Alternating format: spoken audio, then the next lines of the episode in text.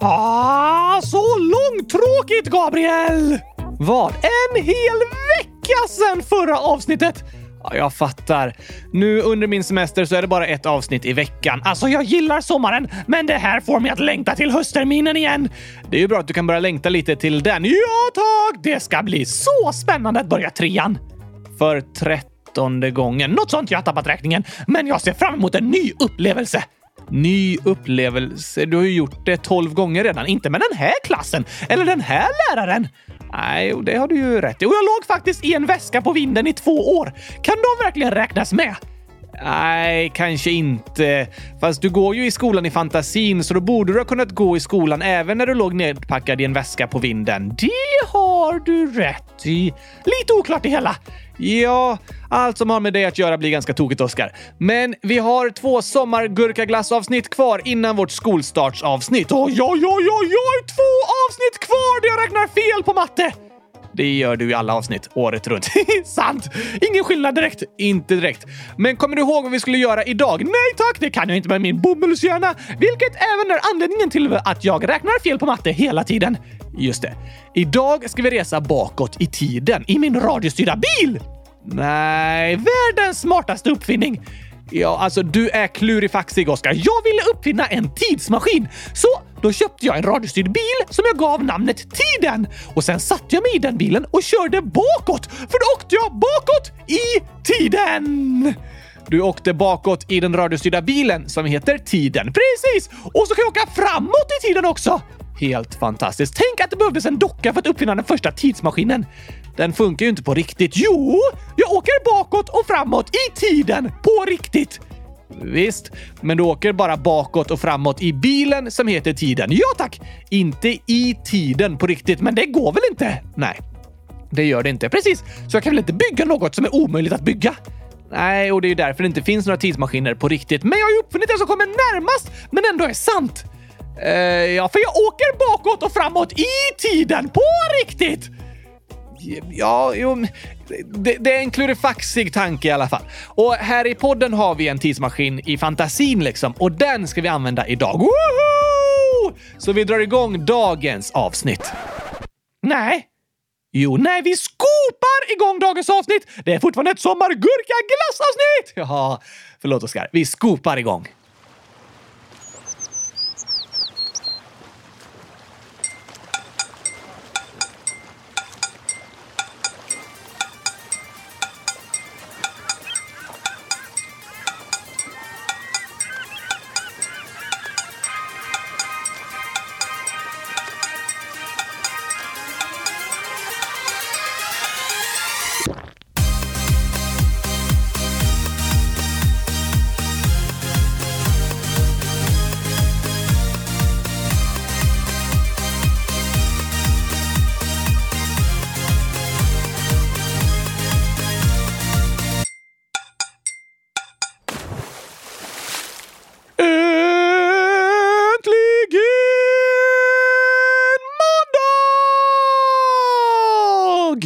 Och äntligen avsnitt 100 380 av Kylskåpsradion. Extra mycket äntligen! Eftersom det inte var något avsnitt i torsdags. Jag håller med. Och dagens avsnitt är ju faktiskt förinspelat, men det är inspelat efter 1500-talet.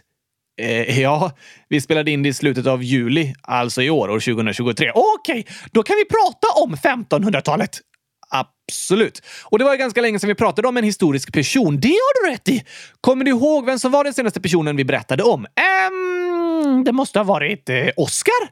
Menar du att vi pratade om dig? Ja, tack! Det gör vi ju typ i varje avsnitt, ja. Men jag menade en historisk person. Jag är historisk, Gabriel! På vilket sätt då? Jag är historiskt rolig! Okej, okay.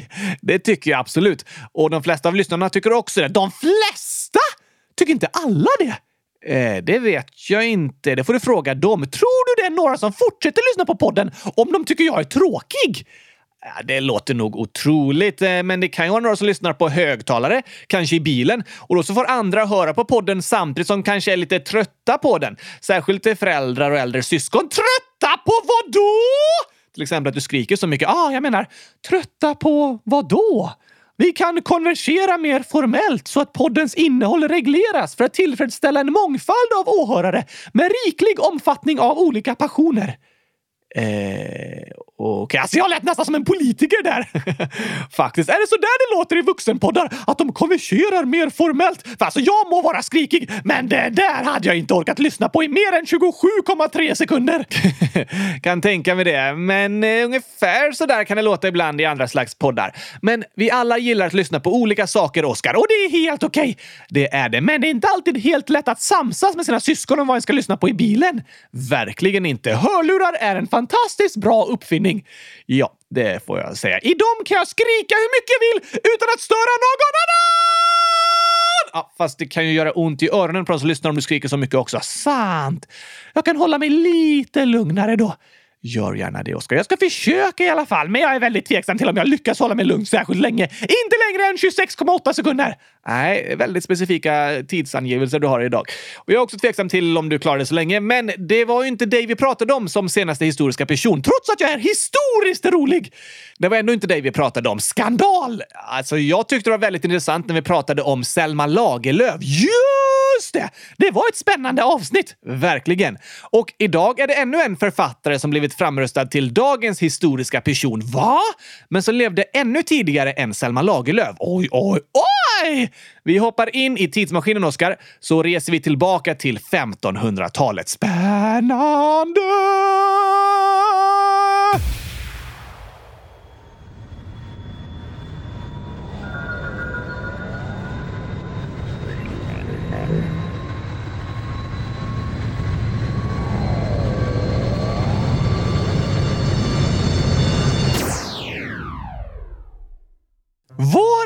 Vi någonstans, Gabriel?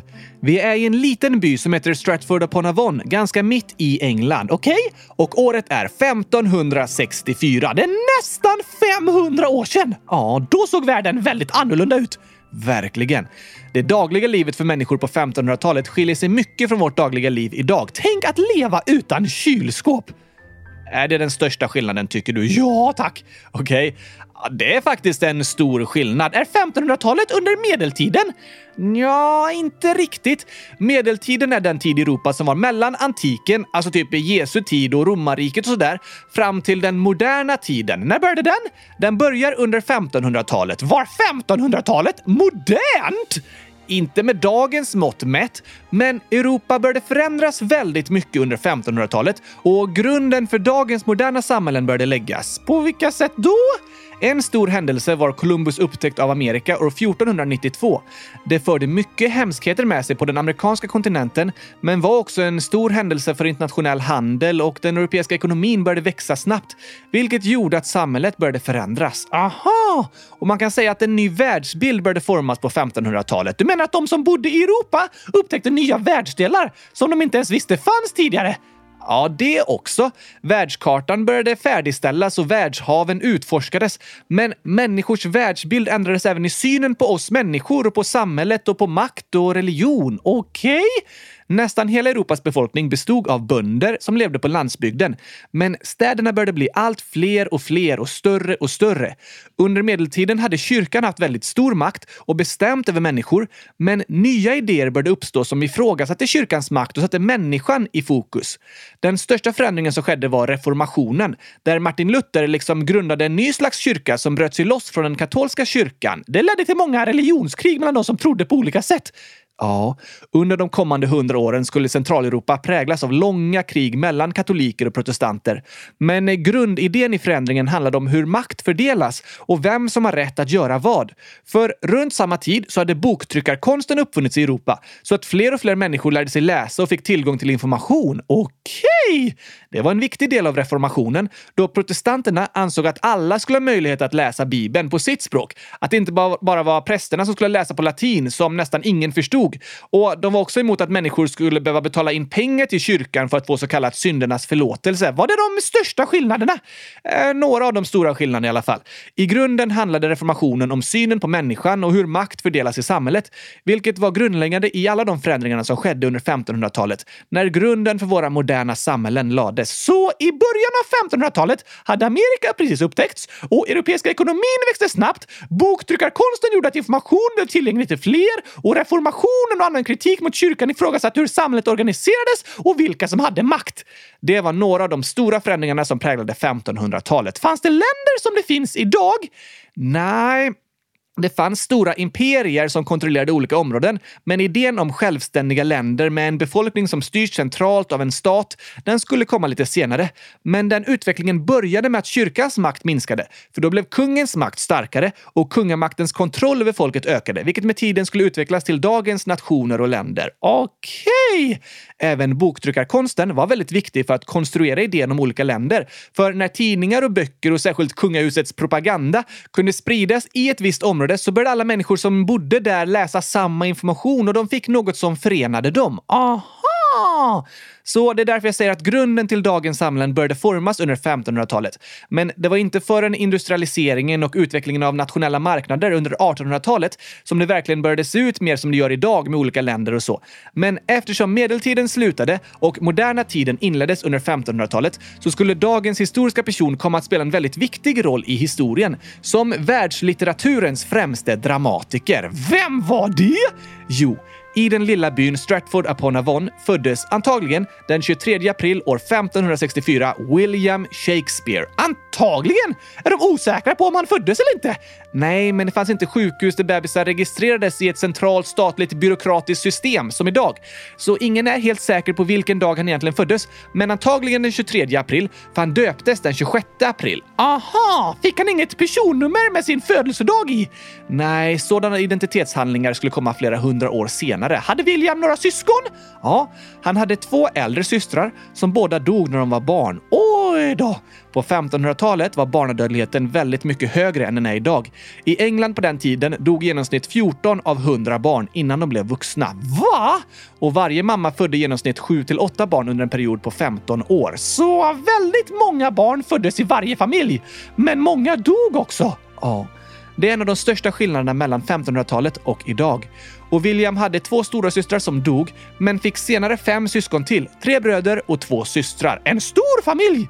Det var det. Och det är en familj som liksom symboliserar livet under 1500-talet ganska väl. Vad hette hans föräldrar? Hans mamma hette Mary Arden och hans pappa hette John Shakespeare. Hans mamma var från en rik släkt i landet och pappan var handskmakare. Smakade han på händer? Inte handsmakare. Han gjorde handskar. Handskmakare. Ah! Eh, lite skillnad. Det lät inte så gott att smaka på händer.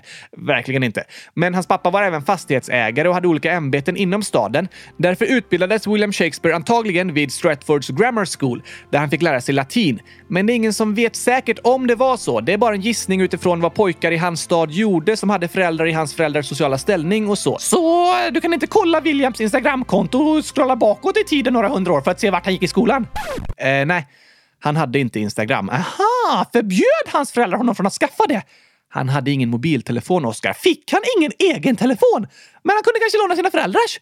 De hade inte heller telefoner, Oskar. Va? Det var ju inte uppfunnet på 1500-talet. De hade precis upptäckt hur de skulle trycka böcker. Det var ganska lång tid kvar tills skärmar och smartphones och sociala medier skulle komma. Ah, just det! Så det är lite svårt att veta hur Williams barndom såg ut. Många historier om hans liv är osäkra och många myter har avslöjats som osanna. Klurigt! Ja, det kan vara svårt att forska flera hundra år bakåt i historien och exakt veta vad som hände för olika personer. Men i november 1582 så utfärdade biskopen av Worcester en äktenskapsattest för William Shakespeare. Vad betyder det? Eftersom han var 18 år var han inte tillräckligt gammal för att enligt dåtidens regler uppnå den lagliga giftasåldern, så han behövde sin fars tillstånd för att få gifta sig. Ah! Men det fick han och han gifte sig med Anne Hathaway som var åtta år äldre än William. Deras familjer hade känt varandra och umgåtts under lång tid. Det är okänt exakt vilken dag vigseln ägde rum, men ungefär ett halvår efter att äktenskapsattesten registrerats så föddes deras första barn Susanna. Två år senare föddes även tvillingarna Hamnet och Judith, men Hamnet dog vid 11 års ålder, antagligen av pesten. Det var en svår tid för barn! Ja. Det fanns många dödliga sjukdomar som gjorde det svårt för barn att överleva till vuxen ålder. Även undernäring, alltså att de inte hade tillräckligt med mat, var en fara för mångas överlevnad. Okej, okay. men var inte Shakespeare typ en teaterförfattare? Jo, precis Oscar. Och den delen av historien börjar nu. Var han alltid teaterintresserad? Nej, ingen vet riktigt hur han kom i kontakt med teater. Antagligen via resande teatersällskap som hade besökt Stratford. Reste de runt och spelade teater? Ja, det gjorde de. Men London, som ju är Storbritanniens huvudstad, var centrum för teatern och runt 1580-talet var det många teatrar som började byggas där. Så William flyttade till London för att börja jobba som skådespelare. Men började även tidigt skriva egna verk. Hade han ont? Uh, va? Nej. Varför det? Du sa att han hade verk! Menar du huvudvärk eller tandvärk? Nej, ja. Ett verk är något kulturellt som är skapat som ett eh, konstverk. Konstig verk? Du menar när det gör ont i ett hårstrå? Det är en konstig verk. Det menar jag inte. Eller i ett ben efter att jag har tappat det så har jag ont i det. Visst är det tokigt? Ja, det vore tokigt. Men eh, alltså, jag menar ett konstverk. Det är till exempel en tavla. Ah, just det! Och ett musikverk kan vara en sång och ett teaterverk. En text som beskriver vad skådespelaren ska säga och så. Typ som en bok! Ja, det går att läsa Shakespeares teaterverk som böcker. Eller se skådespelare framföra dem på en teater. Okej, okay. blev hans texter populära direkt? Nej, inte riktigt. Som de flesta kända historiska personer som vi berättar om så har de börjat någonstans med motgångar och tuffa tider. Blev inte allt perfekt direkt? Verkligen inte. Alla människor som försöker bli duktiga på något behöver träna mycket och misslyckas och försöka igen och träna och misslyckas och fortsätta försöka och så vidare. Alla börjar någonstans! Precis. Och teaterfolk levde ett tufft och enkelt liv i slutet av 1500-talet och för någon som William Shakespeare, som hade en rik far, så var det väldigt ovanligt att bli skådespelare eller författare. Blev många förvånade när han ville bli det? Antagligen. Det var nog många som sa till honom att börja jobba med något annat, men teater var hans stora intresse. Och efter flera år som skådespelare så började snart hans texter att bli populära. När då? Hans genombrott kom med en dikt som heter Venus och Adonis. Den skrev Shakespeare år 1593 när Londons teatrar var stängda på grund av pesten. Som när teatrarna stängde under coronapandemin! Ja, just det. Och det var många som satt hemma och roades av Shakespeares dikt. Det finns bara en kopia kvar av första utgåvan, för alla andra har slitits ut för att de läst så mycket. Va? Det var tur att William Shakespeare levde efter att boktryckarkonsten hade utvecklats utvecklats. Annars hade inte hans skrifter kunnat spridas lika mycket. Det är väldigt sant, Oscar. Och allt sånt där hänger ihop. Shakespeare hade inte kunnat nå samma popularitet 150 år tidigare, för då var det inte lika många som kunde läsa och hans skrifter hade inte kunnat tryckas upp i så många exemplar. Det är svårt att föreställa sig en tid innan människor hade böcker och inte så många människor kunde läsa. Ja, det har funnits böcker i tusentals år, men de var länge väldigt dyra och det fanns inte många som kunde läsa. Men med uppfinnandet av boktryckarkonsten så blev böcker och tidningar mycket billigare och fler och fler började läsa. I Kina uppfann de dock boktryckarkonsten mycket tidigare än i Europa. Aha! Men eh, Shakespeare blev inte främst känd som en författare av böcker och dikter, utan det var hans teaterpjäser som snabbt växte i popularitet. Han var med i en teatergrupp som hette Lord Chamberlains män, som ägdes av Shakespeare och flera andra skådespelare. Och det var de som började spela upp pjäserna som Shakespeare skrev. Det gjorde de snabbt till den populäraste teatergruppen i London och i början av 1600-talet fick de en särskild utmärkelse av kungen som gjorde att de bytte namn till The King's Men. Wow! På grund av sina framgångar så valde teatergruppen att bygga sin egen teaterbyggnad som fick namnet The Globe. Globen? I Stockholm? Nej, i London. Det blev platsen där Shakespeares pjäser började spelas efter att den byggts klart år 1599. Men tyvärr stod den bara kvar i 14 år innan den brann ner. Åh nej! Den byggdes upp igen ett år senare, men fick stänga år 1642 när alla teatrar i London tvångsstängdes. Varför det? Under början av 1600-talet utkämpades flera inbördeskrig i England. Vad slogs de om? Det var flera anledningar, men det kretsade runt strider mellan olika religioner och kungariken. Aha!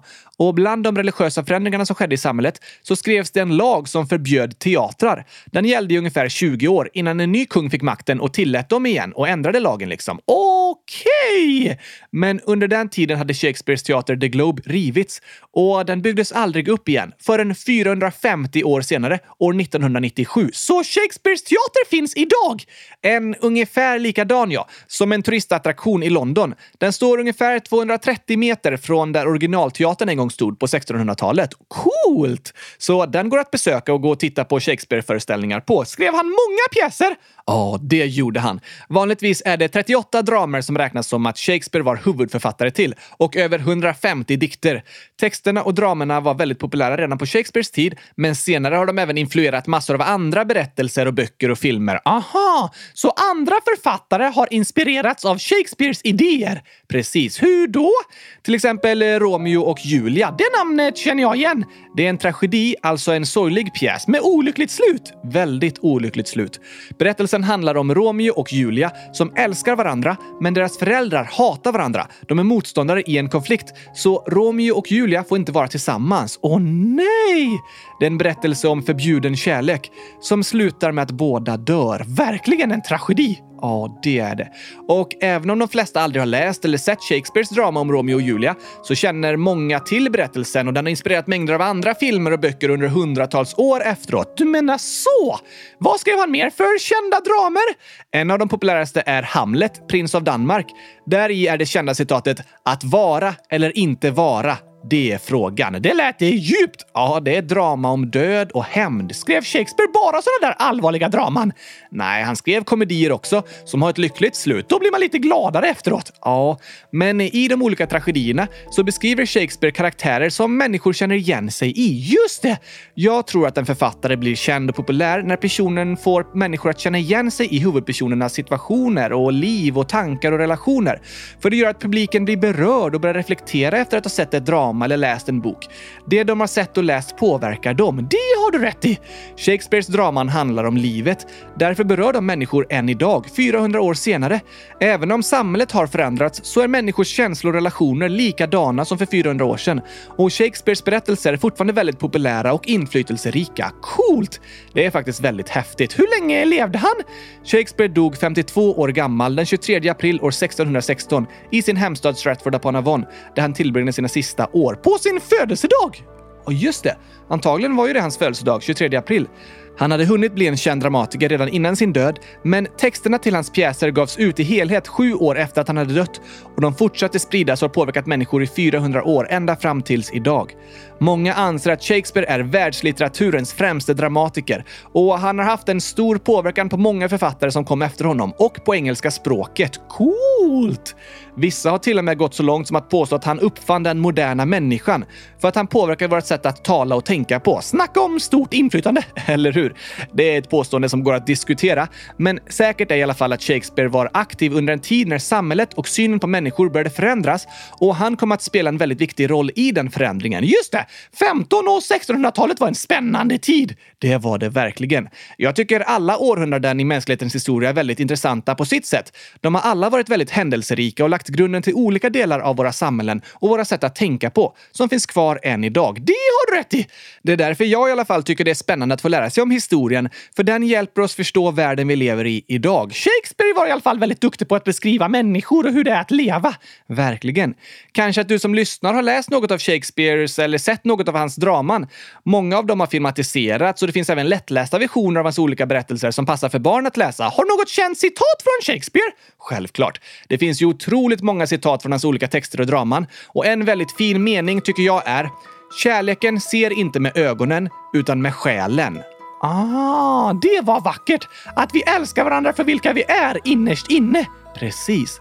Han skrev även “Ingenting är gott eller ont i sig självt. Det beror på hur man uppfattar det.” Hmm, du menar att vi kan ha olika perspektiv på saker som händer och vi tolkar olika situationer på olika sätt? Just det. Det är en väldigt viktig reflektion och något som är bra att tänka på. För du och jag kan se på det som händer på olika sätt. För vi kanske har fått höra olika berättelser eller har varit med om olika saker som gör att vi tolkar det som händer olika. Därför är det viktigt att lyssna på varandra och att alla får möjlighet att berätta sitt perspektiv. Ja, det är viktigt. Att alla får möjlighet att förklara vad de tänker och varför de gjorde eller kände på ett speciellt sätt. Om två personer börjat bråka, till exempel på skolgården, då är det viktigt att inte läraren bara frågar den ena personen vad som hände, utan att båda får möjlighet att berätta sina perspektiv. Just det. Det är ett bra exempel, Oscar. Shakespeare är fortfarande relevant på skolgården 400 år senare! Eller hur? Ett citat som är inne på lite samma tema är så här. Det finns inget mörker, bara ignorans. Vad betyder det? Att mörker kommer från okunnighet, men kunskap kan ge ljus och sanning. Ah, du menar att det är viktigt att inte ignorera vad människor säger och berättar, utan lyssna på varandra och vilja lära sig mer? Ja, det är en fin reflektion, Oskar. Att vara ignorant och stänga öronen för det andra människor försöker säga leder till mörker, men att vara öppen och vilja lära sig leder till ljus och sanning. Han skrev faktiskt en del kloka, tänkvärda saker, William Shakespeare. Det håller jag med om. Och jag hoppas att ni som lyssnat tyckte det var en lärorik och spännande berättelse. Jag tycker i alla fall det är spännande att resa flera hundra år tillbaka i tiden. Det håller jag verkligen med dig om, Oscar. Men nu är det dags att skratta loss! Kul!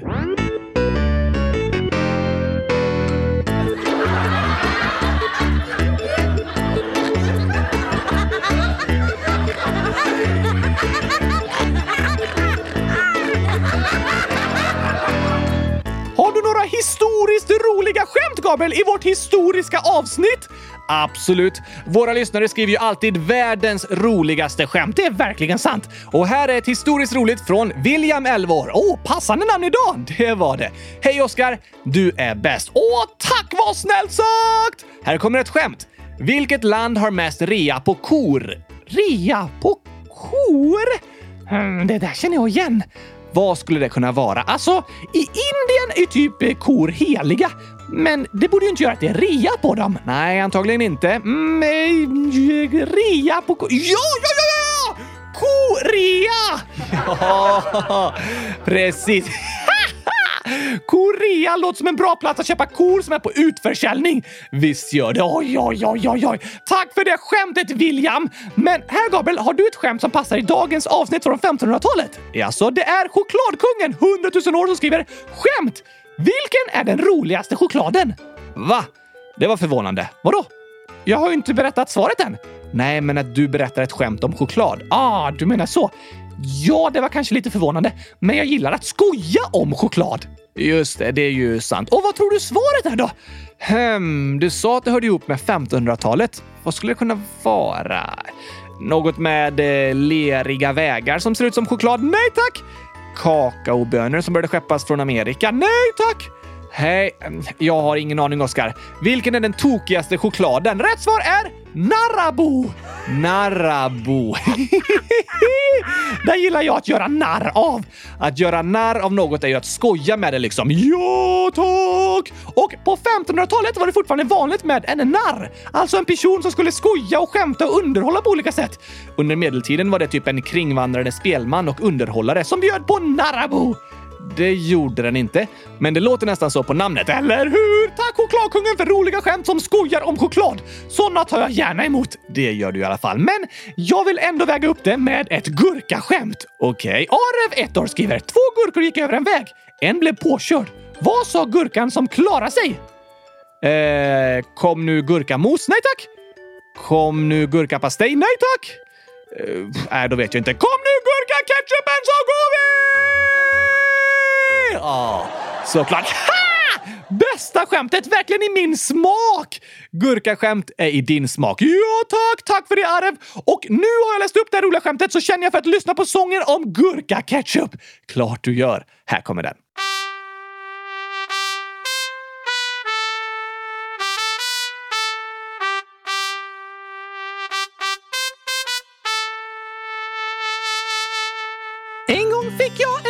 Strumpa i låtsas julklappspresent. Jag satte den på min ryggsäcksrumpa och sa massa vattniga skämt. Men sen fick jag en glasidé om hur man får en babianstruts att le. Så lyssna på mitt nya tystnadstjut.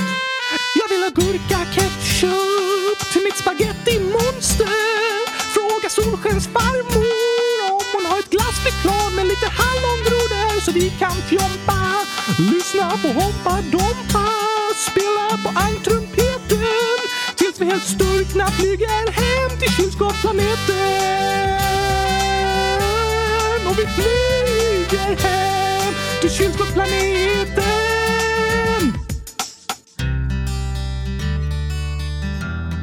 Ska du inte börja sjunga, Oskar? Nu?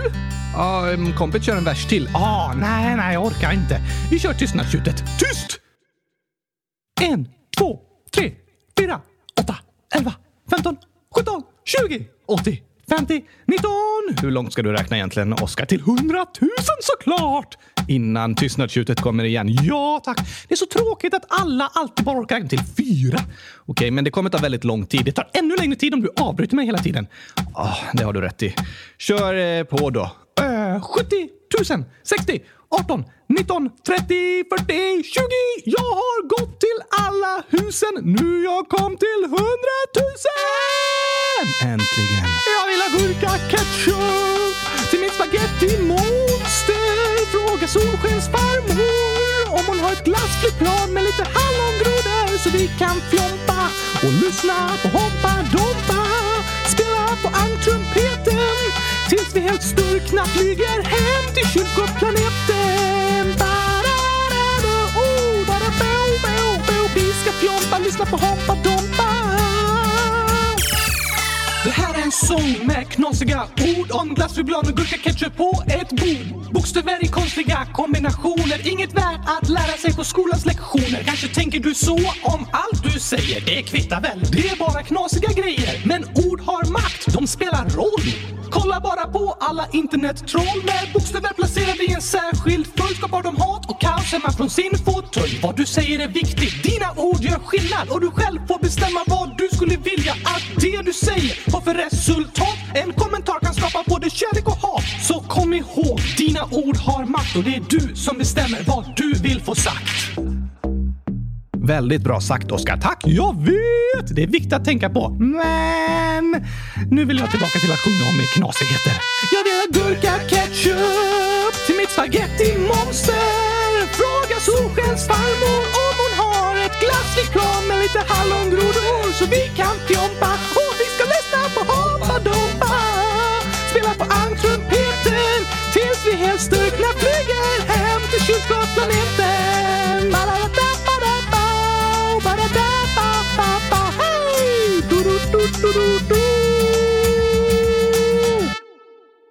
Skulle den bara sluta så? Nej, det var lite tråkigt slut. Vi- Vi kör så här istället. Jag vill ha gurka ketchup! Jag vill flytta till kylskåpsplaneten, Gabriel. Det kan jag tänka mig. Men växer det gurkor där? Nej, men kylskåpen är alltid fulla med gurkaglass. Okej, det låter ju också bra. Bäst i test till och med. Men du, idag har vi hoppat in i tidsmaskinen och pratat om 1500-talet och William Shakespeare som även var aktiv på 1600-talet. Ja, precis. Han levde ju mellan 1500 och 1600-talet, som du. Ja, eller du menar att jag också varit med om att det blivit ett nytt århundrade, till och med ett nytt årtusende. Inte illa! Ganska häftigt faktiskt. Men större delen av mitt liv lever jag ju på 2000-talet, inte på 1900-talet eftersom jag var sex och ett halvt år vid millennieskiftet. Sant!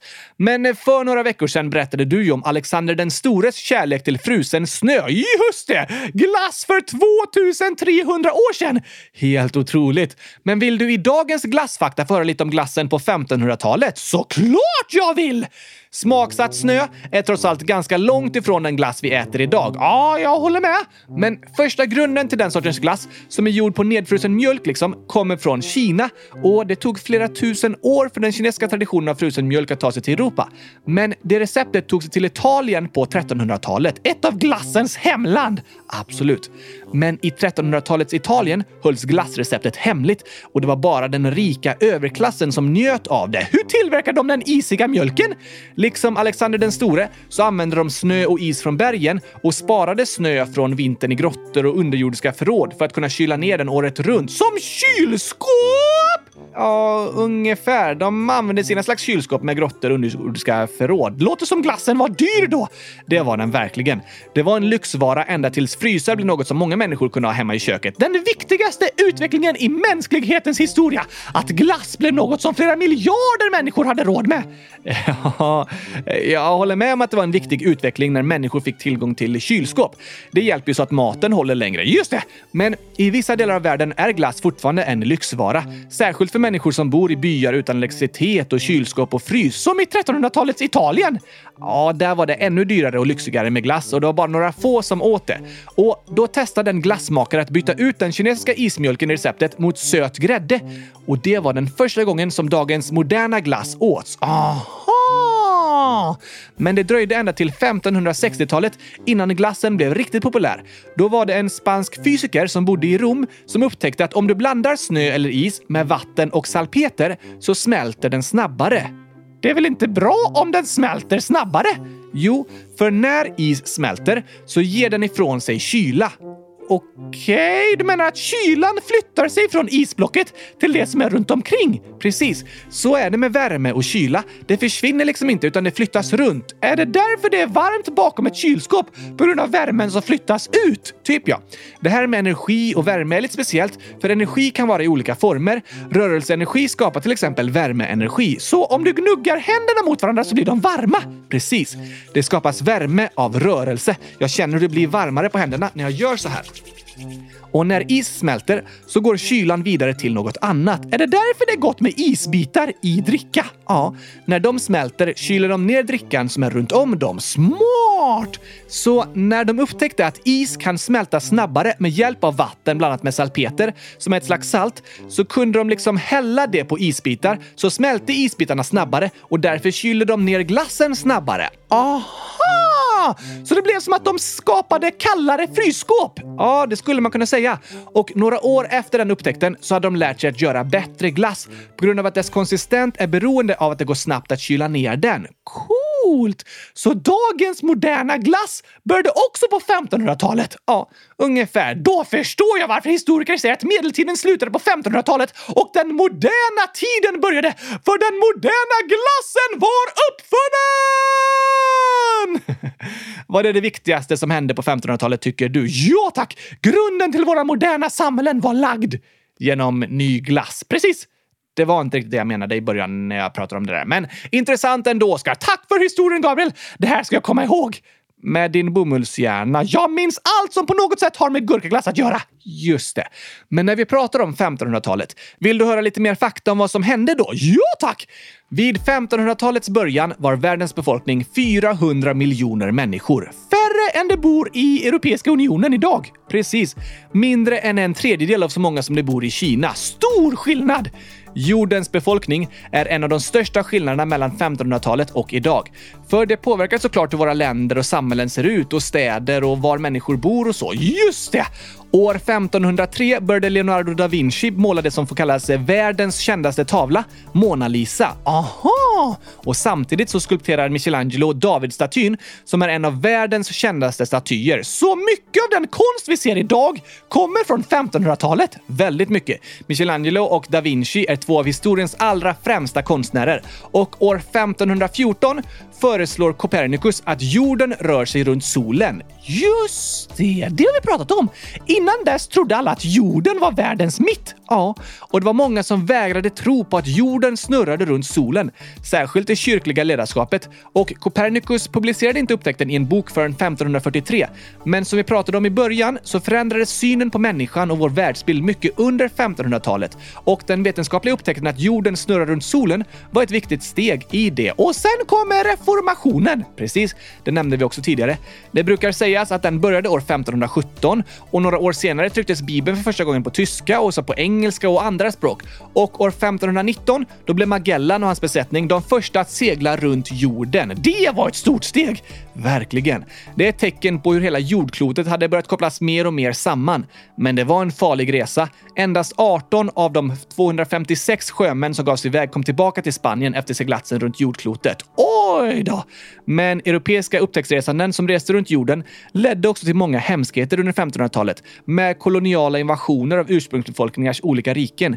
Till exempel aztekernas rike i Centralamerika som föll år 1521 när eran av spansk kolonisering av området inleddes och även Inka-imperiet i Sydamerika invaderades och togs över i mitten av 1500-talet. Okej! Okay vilket ledde till att stora rikedomar flyttades därifrån till Europa. Det nämnde du också tidigare som en av de stora förändringarna i Europa under 1500-talet. Precis, det var faktiskt ett väldigt eh, omvälvande århundrade.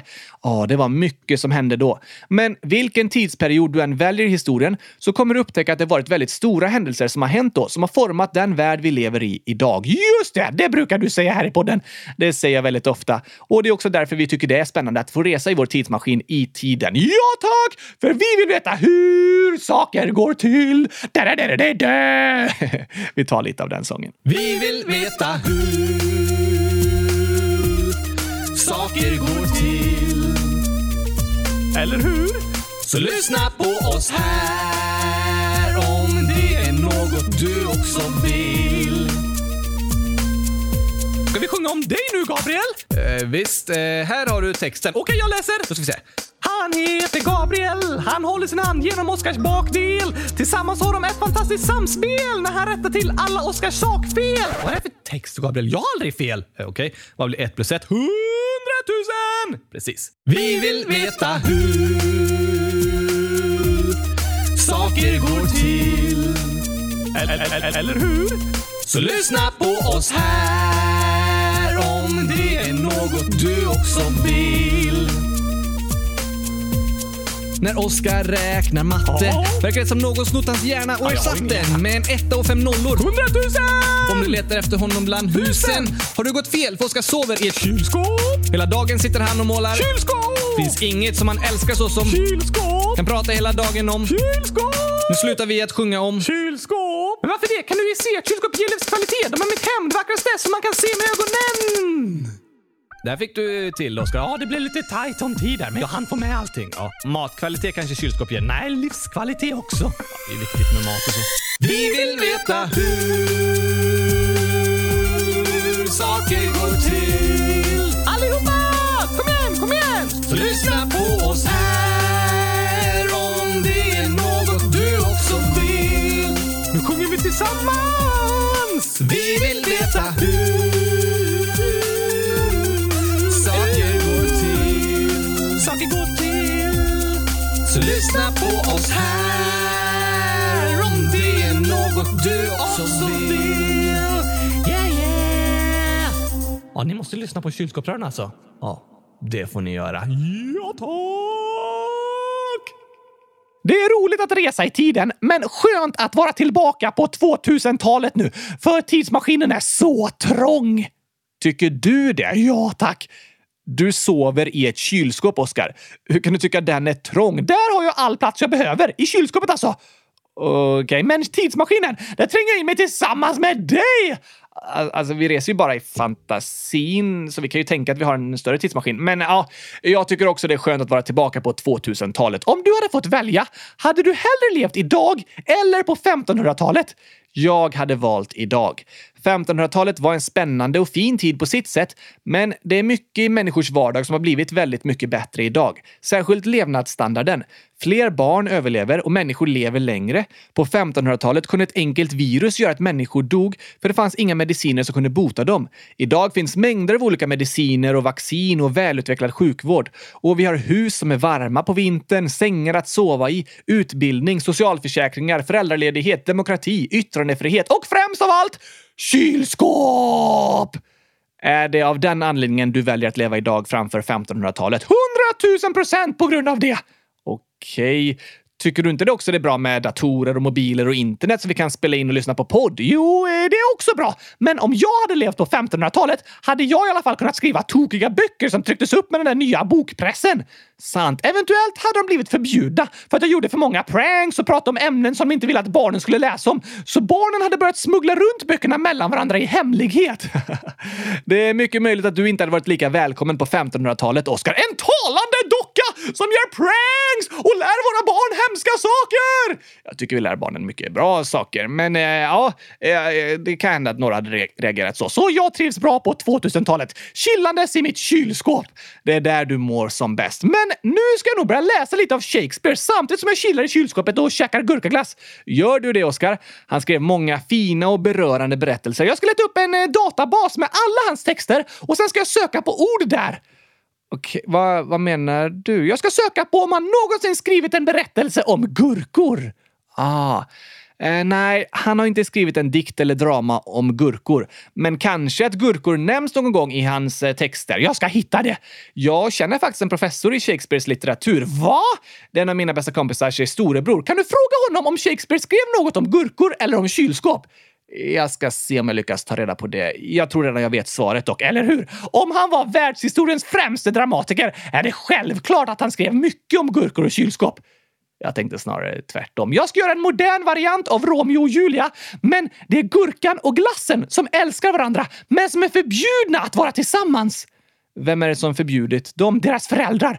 Gurkans föräldrar är laktosintoleranta och vill inte att gurkan är ihop med glassen. Och glassens föräldrar vill att deras dotter ska gifta sig med en vaniljstång för att vaniljglass är den populäraste glassmaken. Så det är förbjuden kärlek mellan en gurka och en glass. En otroligt rörande historia, låter det som. Eh, det görs många moderna tolkningar av gamla dramer, men det här var nog den största och kanske tokigaste förändringen jag hört om hittills. Du ska få gratisbiljetter när vi spelar upp den teatern på Dramaten, Gabriel. Eller på den där The Globe i London som finns nu igen. Ja, eh, tack. Det blir spännande att gå och kolla på Romeo och Julia om glassen och gurkan. Men eh, nu tror jag det är nog med Shakespeare-snacket för idag. Det börjar spåra ur lite.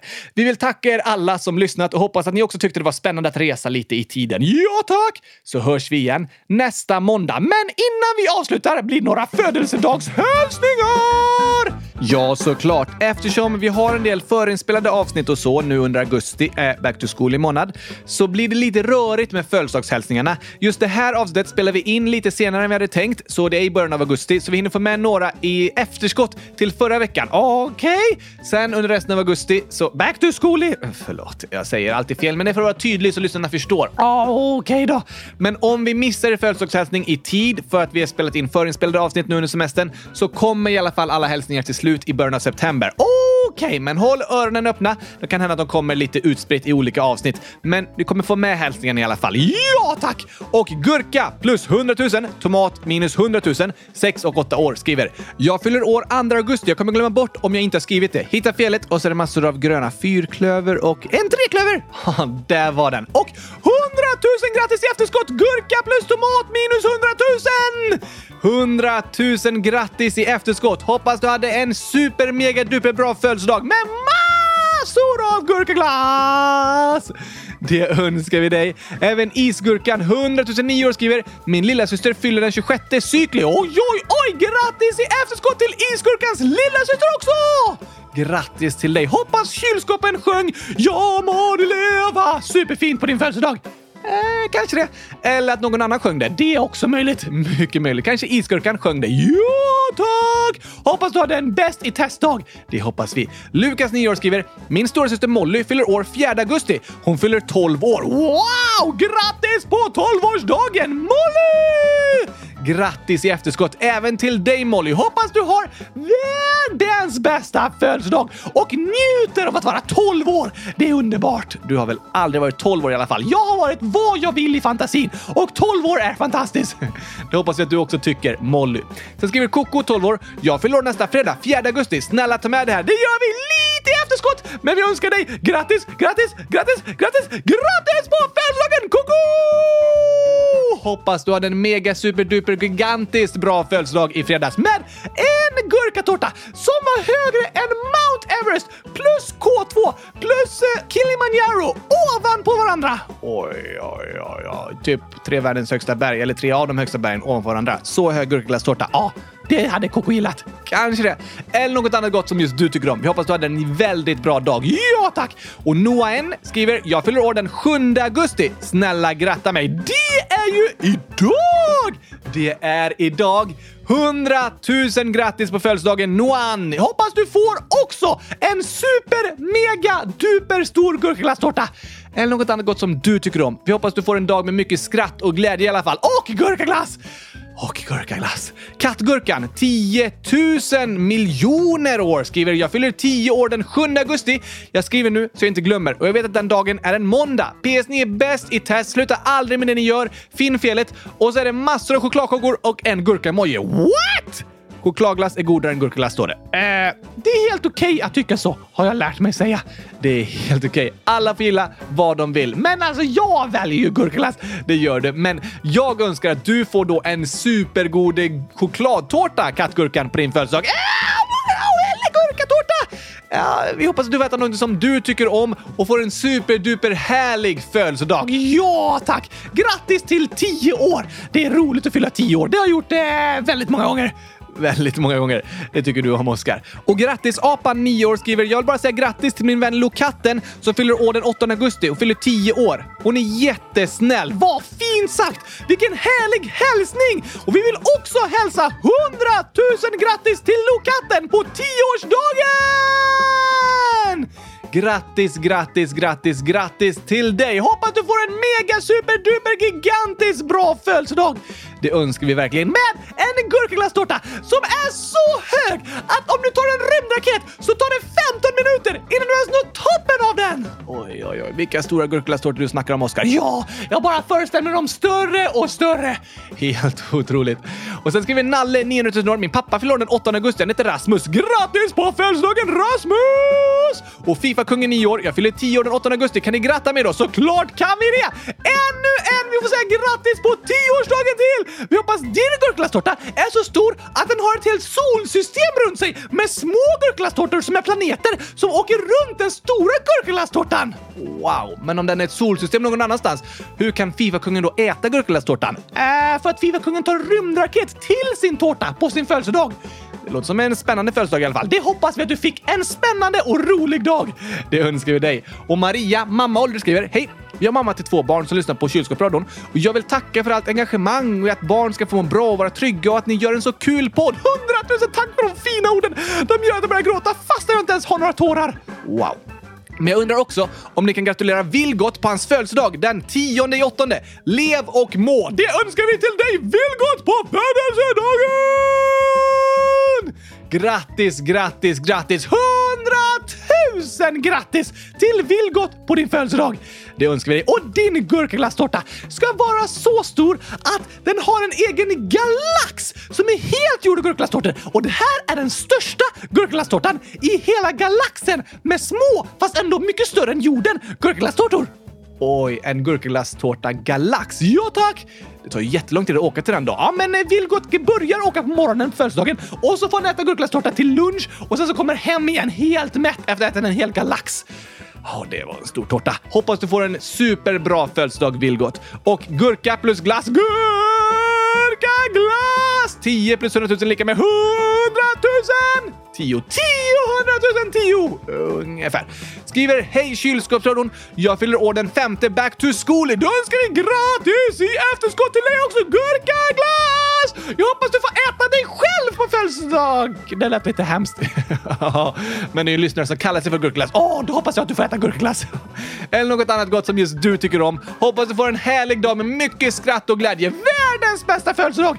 Det önskar vi dig. Och Joel, fem år, skriver om sin födelsedag som vi ska läsa upp i nästa avsnitt. Men det står även “Vill ni gratta min storebror Hampus som fyller 8 år den 11 augusti? Ni är bäst!” Såklart vill vi göra det! Grattis på 8-årsdagen, Hampus! Ha en superduper fin födelsedag Hampus med världens största, nej jag menar universums största gurkaglasstårta som är så stor att den börjar bli ett svart hål som drar in all annan energi och alla gurklastårtor i hela universum. Det spårar ur lite här Oskar. Ja, det spårar ur. Men det är för att det ska vara en så stor gurklastårta till Hampus födelsedag. det hoppas vi att du får, eller något annat som du tycker om. Ja, tack! Och att du får en riktigt härlig dag med mycket skratt och glädje och att du känner dig älskad och omtyckt. För det är du! Det är du. Grattis Hampus! Och Juvelia skriver om sin födelsedag som också är senare i augusti. Den tar vi med sen. Men det står också min lillebror Bernhard som jag brukar lyssna med fyller fem år den 11 augusti. Gratta oss gärna. Idag grattar vi då Bernhard på femårsdagen! Grattis, grattis, grattis, grattis! Hundratusen grattis Bernhard! Det säger vi till dig. Hoppas du får en superhärlig födelsedag med gurkaglass i hela rummet och kylskåp som sjunger Ja må du leva, Bernhard må du leva! Ja, det lät fint med kylskåp som sjunger. Kanske att Juvelia sjunger någonting för dig. Det vore vackert. Det vore också vackert. Hoppas du blir härligt grattad och att ni alla får härliga födelsedagar och ni alla andra som lyssnar får en superfin vecka. Jo, tack! Om ni har långtråkigt kan ni åka till Gurkaglassgalaxen och käka lite gurkaglass. Där finns så det räcker och blir över till alla. Det är väldigt långt dit. Jag vet inte så många lyssnare har ett rymdskepp att åka med. Ni kan åka i fantasin. Då kan vi åka tillsammans, för där bor jag. det gör du. Och vi hörs igen allihopa nästa måndag. Yes thanks! Jag längtar redan. Jag längtar också. Ha det bäst i test tills dess. Tack och hej! Gurkaglassplanetspastej! Hej då.